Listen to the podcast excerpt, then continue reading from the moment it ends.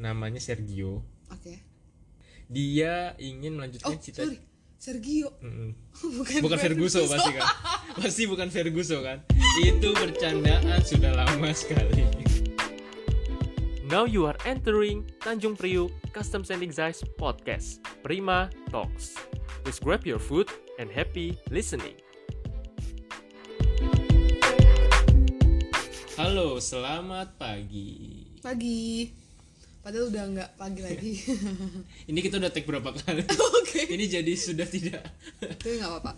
Demi Iya hasil semangat yang lebih pagi semangat pagi selamat datang di podcast Bea Cukai Tanjung Priuk Prima Talks bersama saya Rifat Rehansyah dan kali ini kedatangan tamu besar tamu undangan Lebay. da, eh, pelaksana di seksi layanan informasi juga. Seniorku, selamat datang senior. Ih, gak usah manggil sendiri. Karut Kenapa sih Sorta. lebay? Selamat pagi Karut. Iya, pagi Rifat. Jadi kita bakal ngobrolin IMEI kak di episode kedua ini. Hmm. hmm. Oh iya, sebelum masuk ke IMEI nih kak, aku mau cerita masalah. eh, aku kemarin baru nonton ulang serial di salah satu platform digital. Gak usah disebutin lah namanya, pokoknya platformnya tuh bla bla and chill. Oke. ya kan nah nama seriesnya itu eh Money Heist Oh, mana? Pernah sering sering denger gak sih? Oh, udah udah nonton belum ya jadi gini aku ceritain ya aku ceritain Eh, ada seorang jenius tuh namanya Sergio Oke. dia ingin Oh, melanjutkan cita sorry. Sergio. Mm-mm. Bukan bukan Ferguson pasti kan pasti bukan Ferguson kan itu bercandaan sudah lama sekali udah ketahuan itu udah ketahuan oke tapi lucu kok masih Iya, tetap lucu, oke. tetap lucu. Ya pasti Sergio bukan Ferguso. Iya, iya. Oke, lanjut. Mm-mm. Bagus ya kak. Coba ntar diulang lagi. Oke, nanti aku coba. Jadi si Fer- eh si Sergio itu Oke. eh, jenius nih. Dia mau melanjutkan cita-cita bapaknya buat eh merampok percetakan uang di Spanyol. Namanya Royal Mint. Mm-mm. Nah, akhirnya dia mengumpulkan penjahat-penjahat di Spanyol untuk eh, bobol si Royal Mint itu dan menyandra Sandra di sana. Tapi si Sergio ini dia nggak ada di situ. Dia ada di tempat lain sebagai otak dari eh, pembobolan Royal Mint itu. Dan dia bernegosiasi dengan polisinya itu Mm-mm. memasukkan identitasnya. Jadi dia pakai identitas palsu untuk mencapai tujuan dia gitu ya. Iya, dia memakai identitas palsu dengan nama profesor. Oke. jadi p- polisi pun nggak tahu namanya Sergio nggak tahu profesor ini siapa gitu jadi dia bernegosiasi dengan seorang detektif namanya Raquel Mm-mm. udahlah bernegosiasi terus akhirnya Raquel kan stres akhirnya dia mau istirahat dulu ke kafe dekat situ lah Mm-mm. nggak taunya Sergio juga di situ Mm. hmm ngerti nggak ngerti kan kakak mm, mm, mm, mm, ngerti Ya udah, kan? kamu oke lanjut, lanjut. udah dapet ya Sergio di situ sama Raquel tapi mereka nggak tahu nih ini Sergio ini Raquel ini profesor siapa nggak tahu lah pokoknya akhirnya eh, entah gimana pokoknya di sini tuh Sergio tuh tahu oh ini detektif yang bernegosiasi sama gue nih dari kemarin gitu Hmm. akhirnya dengan otak liciknya dia memperkenalkan diri ke Raquel bukan dengan profesor bukan dengan Sergio Identitas baru. identitas lain lagi namanya Salva Oh, ini orang menga- memalsukan dengan dua identitas dua, ya. ide- dua identitas palsu ya. dua identitas palsu akhirnya eh, skip skip skip pokoknya mengadu domba antar polisi inilah ya pokoknya intinya Royal Mint dibobol juga uangnya Itu sebenarnya niatnya si Sergio ini atau sebenarnya ini tujuan siapa sih untuk membobol ini tuh? Sergio Oh, dia. iya Sergio itu Oke. Berarti aku bisa ngerasa relate sih sama pembicaraan kita hari ini. apa tebak Iya. kayaknya pintar sekali ya ya aku bisa kayak ngeramal gitu. apa apa coba Kalau kamu tadi bahas tentang identitas iya sama kayak IMEI. IMEI sendiri itu kepanjangannya silakan. oh nanya oke Iya, aku nanya. IMEI International Mobile Equipment Identity Jadi emang identitas Iya. identitas kan, identitas yang disematkan kepada setiap perangkat telekomunikasi. Perangkat Iya, betul. telekomunikasi itu ada apa aja? Handphone, HKT ya, kalau kita Iya. sering gampangnya bilang HKT, handphone, komputer genggam, sama tablet. ya Nah, untuk memakai jaringan seluler di Indonesia, artinya setiap perangkat telekomunikasi itu harus memiliki IMEI yang asli IMEI yang benar-benar resmi Terdaftar di Kementerian Perindustrian. iya.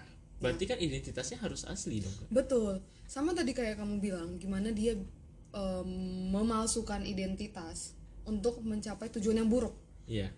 dan selalu ber- untuk mengganggu tujuan baik. Ngerti nggak? Jadi kayak gini, pemerintah kan melakukan banyak kebijakan apa namanya? mengeluarkan kebijakan-kebijakan selalu usahanya itu untuk mensejahterakan semua kalangan gitu. Betul. Soalnya semua lapisan sosial Iya, bukan untuk golongan tertentu. Betul. Mungkin kalau orang bilang kenapa sih bea cukai harus ikut mengendalikan IMEI ini? Mm-mm. Sebenarnya ini kan tujuan besar negara gitu. Mm-hmm. Iya. Untuk apa? Yang pertama eh, menekan angka penyeludupan. Iya, betul. Coba silakan. Karena Oke. kita sudah mencari berita dan data-data bahwa eh, tahun-tahun sebelumnya itu Indonesia tuh eh, kemasukan ponsel ilegal itu diperkirakan mencapai 10 juta unit per tahun. Mm-hmm.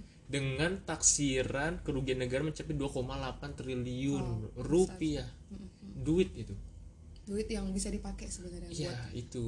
masyarakat juga. Gitu. Kalau angka penyelundupannya bisa kita Nah, tekan gitu.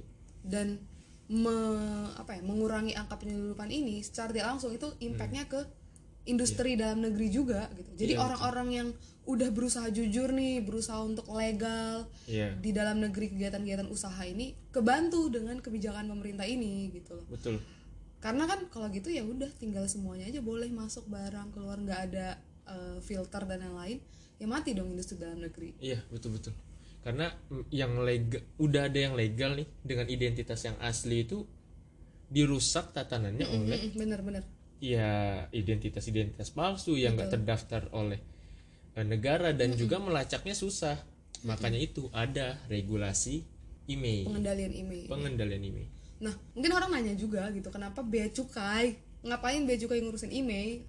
Tapi sebenarnya kalau kita mau lihat apa yang coba bea cukai terapkan di sini adalah dalam hal barang yang masuk kan ya. Iya, barang betul. impor gitu. Iya. Karena tugasnya bea cukai kan mengawasi arus keluar masuk barang Iya betul. gitu kan. Iya. Nah, kenapa bea cukai ada di sini? Jadi bea cukai sini ruang lingkup tugasnya hanya untuk barang-barang HKT tadi Ya, yang impor. yang impor mau masuk ke Indonesia. Betul, kayak gitu. Jadi ya kalau misalnya handphonenya udah ada di Indonesia, kita udah make lama, ya itu urusannya nggak ke bea cukai gitu. Iya.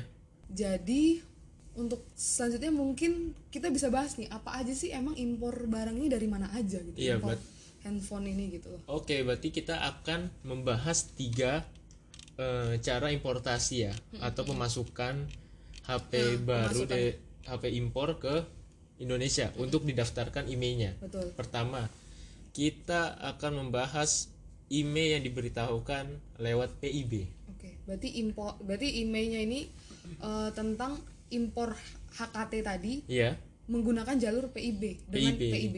PIB itu apa? PIB itu pemberitahuan impor barang. Contohnya nih, kita langsung ke contoh aja ya. Karut mau membeli HP di Indonesia di counter A, counter resmi yang ada di Indonesia. yang ada di Indonesia. Counter resminya itu produk HP-nya itu yang akan dijual, dia importasi dari luar negeri. Mm-mm. Nah, dari luar negeri itu kan pakai PIB tuh pakai jalur laut lah atau kan importasi yang banyak. Yang meregistrasikan IMEI-nya itu adalah si kuasa importirnya Atau importirnya. ya atau importirnya Berarti sendiri. tunggu, aku perjelas. Iya. Aku kan tadi yang sebagai pembeli ya. Hmm, Berarti aku nggak punya kewajiban Nggak untuk usah. meregistrasi email. karena sudah didaftarkan eh, saat sampai di Indonesia itu oleh si importirnya, nanti didistribusikan ke counter A ini tadi yang official tadi. Karut beli. Iya. Karut itu nggak usah daftarkan IMEI, tapi ngecek aja IMEI-nya. Dan bayar HP-nya. dan bayar HP-nya kalau nggak bayar kakak nggak bisa keluar dari konter itu bawa HP-nya Oke. Berarti emang nanti si importir itu ketik apa saat dia mengimpor barang dan dia mengisi modul ya, ada Iya. kita namanya modul PIB. Disitulah di eh, si importer ini mendaftarkan emailnya. iya betul Oke, mungkin itu udah jelas kali ya, karena udah tahu nih eh, kalau misalnya kita sebagai individu, sebagai pembeli, sebenarnya kita nggak perlu ngelakuin apa-apa gitu. Iya. Kita cukup, cukup ngecek aja nanti pas di counternya itu emailnya udah terdaftar atau belum. iya Oke, mungkin yang kedua ini kali ya yang mirip-mirip mirip-mirip sama importir ini PIB jalur PIB Hah? aku tadi kan belinya tuh ke counter HP Iya betul. yang ada di Indonesia Mm-mm. gimana kalau aku pengen beli lewat website E-commerce gitu. Mm, mm, mm. Nah, itu kalau dari peraturan Dirjen nomor 5 peraturan Direktur Jenderal Bea dan Cukai Oh iya, karena kita bea cukai ya. Aku lupa menyebutnya. Iya. Nanti dirjen apa banyak. Direktur Jenderal Bea dan Cukai nomor 5 tahun 2020 itu jika kita membeli lewat e-commerce, nanti berarti kan lewat barang kiriman tuh, lewat barang kiriman tuh gimana maksudnya lewat jasa, oh lewat ada jasa, jasa, ya pos, kurir gitu. Kita udah tinggal beli aja.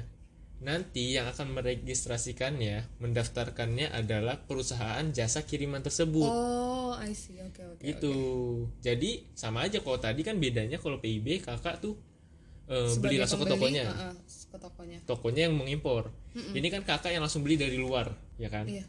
nah nanti yang meregistrasikannya tet- juga bukan kakak Tetap kok perusahaan jasa jasa kirimannya kiriman. Oke. jadi pas sampai di kakak tinggal Cek. cek emailnya saja sama aja oke oke oke tapi yang jadi banyak pertanyaan adalah kak kalau kita habis vacation ke luar negeri hmm habis pulang dari luar negeri iya habis di luar negeri beli HP mungkin kita kasih contohnya kali ya Mhm. gimana misalnya kayak kamu baru dari luar negeri terus Iya. beli HP nah mau balik ke Indonesia yang meregistrasikan emailnya siapa kita kita eh kok suaraku gitu Tapi Mau- nggak mau- apa-apa. mau unyu gitu Iya, maksudnya iya, iya.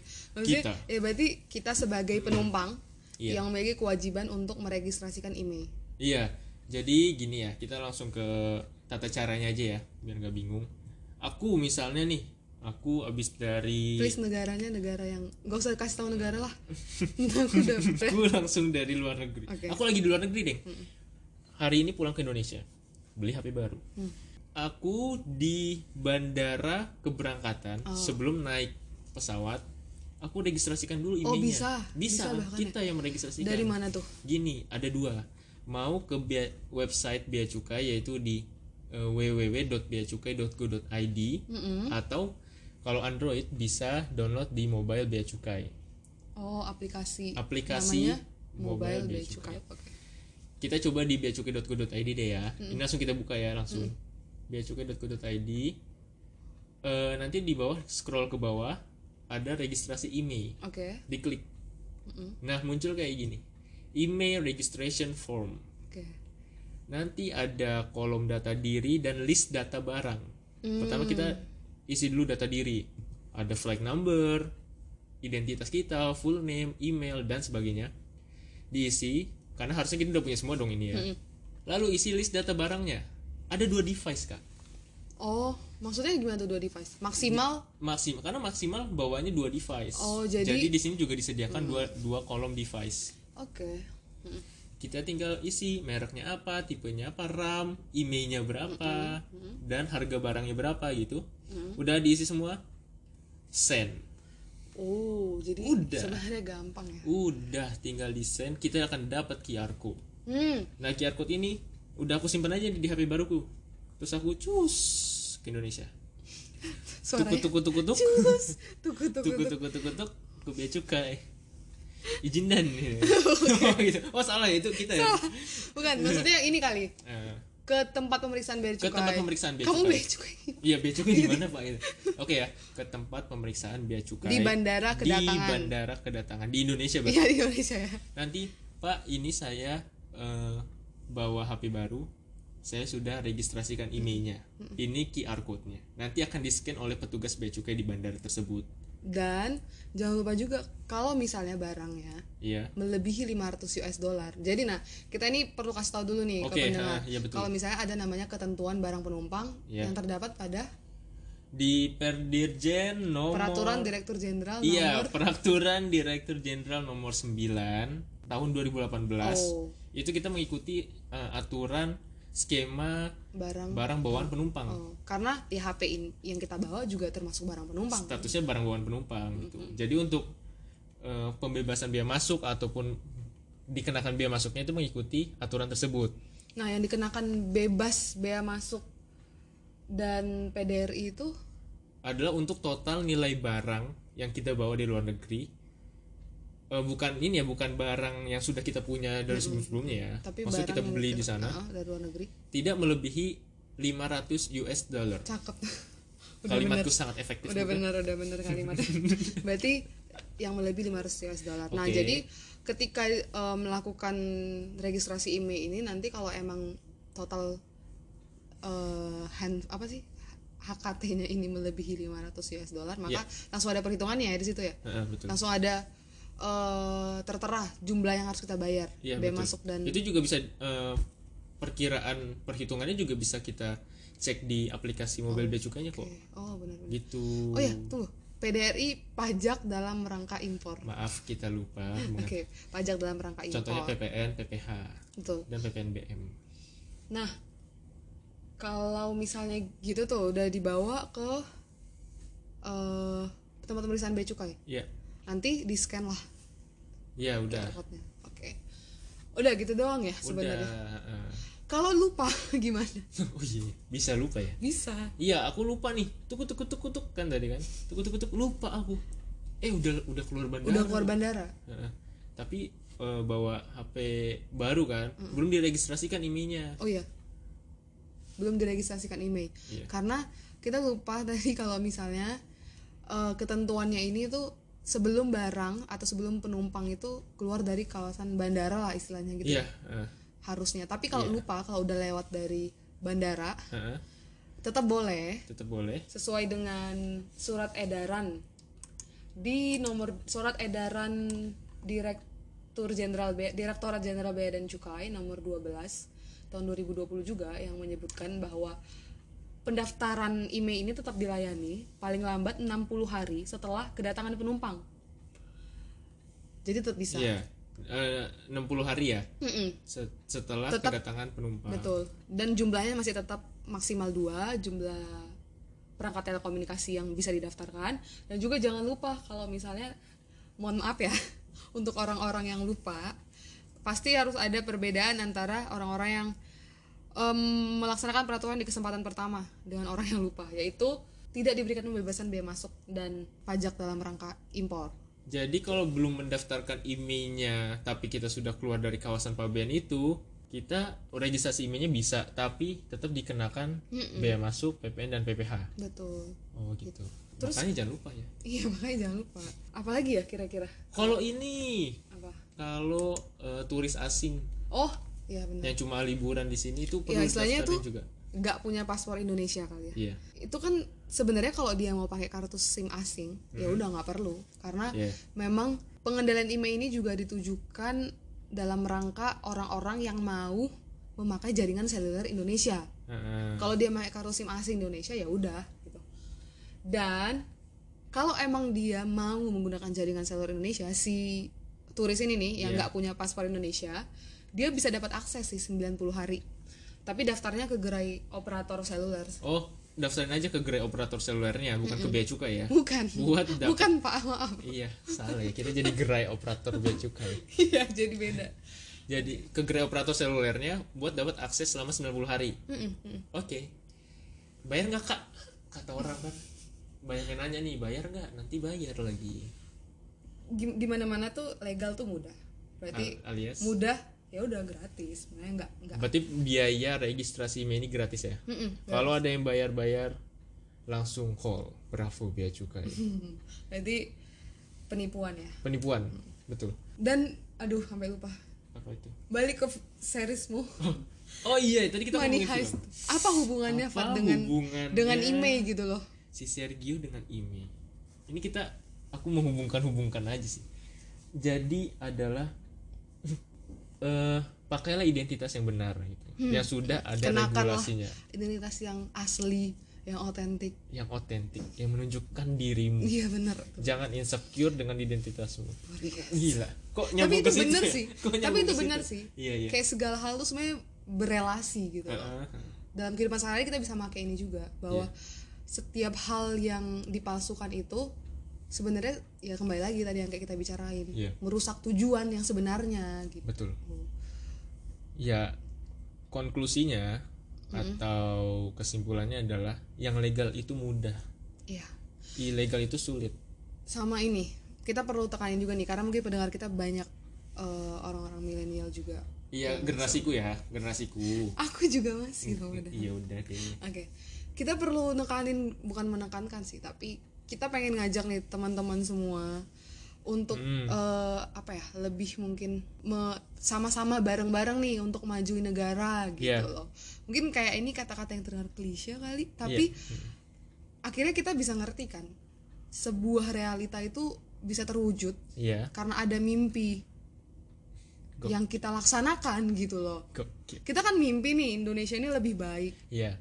gimana itu bisa bisa terjadi bisa ada di realita kalau kita nggak mau ikutin peraturan-peraturan yang sebenarnya udah ditujukan untuk hal-hal yang baik gitu gitu kayak tadi kita perlu ulang lagi nih pertama menekan penyeludupan Iya. barang-barang ilegal Hmm. kedua melindungi industri dalam negeri melindungi Iya. pengusaha orang-orang yang berusaha gitu loh di dalam negeri udah Betul. capek-capek gitu Iya, kan betul. yang ketiga ya melindungi masyarakat yang melindungi masyarakat dari eh, penggunaan telekomunikasi te- perangkat telekomunikasi yang sebenarnya bisa aja secara teknis juga buruk kualitasnya gitu kan ya Iyalah. pastilah gitu yang yang apa Ada namanya yang Iya. harga, palsu-palsu itu iya ada, ada harga ada kualitas. har- ada kualitas gitu loh jadi kembali lagi kalau emang kita nih sebagai anak muda ayo kita dukung gitu ayo kita dukung kebijakan pemerintah Gokil. dan Kaya bumbu. berpartisipasi gitu kan Iya, partisipasi kita nggak nggak dilarang buat buat ngasih masukan buat Iya, pemerintah nggak betul. dilarang Hmm. tapi yang paling harus kita ha- paling kita lakukan itu juga bersikap kritis juga Hmm. maksudnya perlu tahu Aku setuju banget. Ini aku Iya. kayak lagi diceritain dongeng sama Enggak, ini enggak dongeng. Eh sorry bukan dongeng. Ini aku lagi dicerit mimpi dinasehatin, mimpi impian impian dinasehatin sama bu guru BK tau nggak? tapi percayalah maksudnya ada selalu harapan bagi Indonesia gitu Ah, aku aku sed- aku terharu. nggak apa kan kita kan generasi muda gitu kita Iya. ikut ambil bagian gitu Iya. Jadi mulailah dengan email. mulailah iya benar ini hal paling kecil Iya. kan maksudnya sebenarnya Kalau beli HP di luar negeri. kalau BHP dulu Iya. Iya. iya. kalau kita keluar negeri Iya. oke Iya, udah deh, itu aja. Iya. Alias pokoknya eh, ingat-ingat, legal itu mudah, nggak usah dipersulit lagi, nggak usah aneh-aneh. Ikuti aja apa yang aturan yang ada. Nah, dan eh, selalu ini kali ya bertanya mengembangkan sikap kritis dan bertanya kenapa pemerintah dia, melakukan ini gitu. Ini dia. nanti kan kan soalnya anak-anak sekarang tuh kan sebenarnya kritis ya Hmm, kayak ya udah kita pengen juga mendukung itu gitu iya, betul. Oke. Registrasi email udah selesai. Terima kasih Karut makasih Rifa wejangannya. aduh Aku jadi ngantuk aku ini. berasa jadi- tua astaga ya aku terbuka banget wawasannya insightnya ya mukanya biasa aja mukanya biasa aja oke terima kasih sudah Hmm, mendengarkan kalau mau mendengarkan ada episode 1 loh silakan ya didengarkan kalau mau apa tentang apa yang bisa tuh PTSP di Priuk Oke, tes. apa tuh PTSP makanya dengarkan terima kasih sudah eh, datang kalau mau info lebih lanjut silahkan kunjungi dan follow eh, akun Instagram, Twitter, Facebook dan YouTube Bea Cukai Priok dengan nama akun yang sama semuanya at Bea Bea Cukai Priok oke oh pakai O saya Rifat Rehansyah dan Karut bye dadah dadah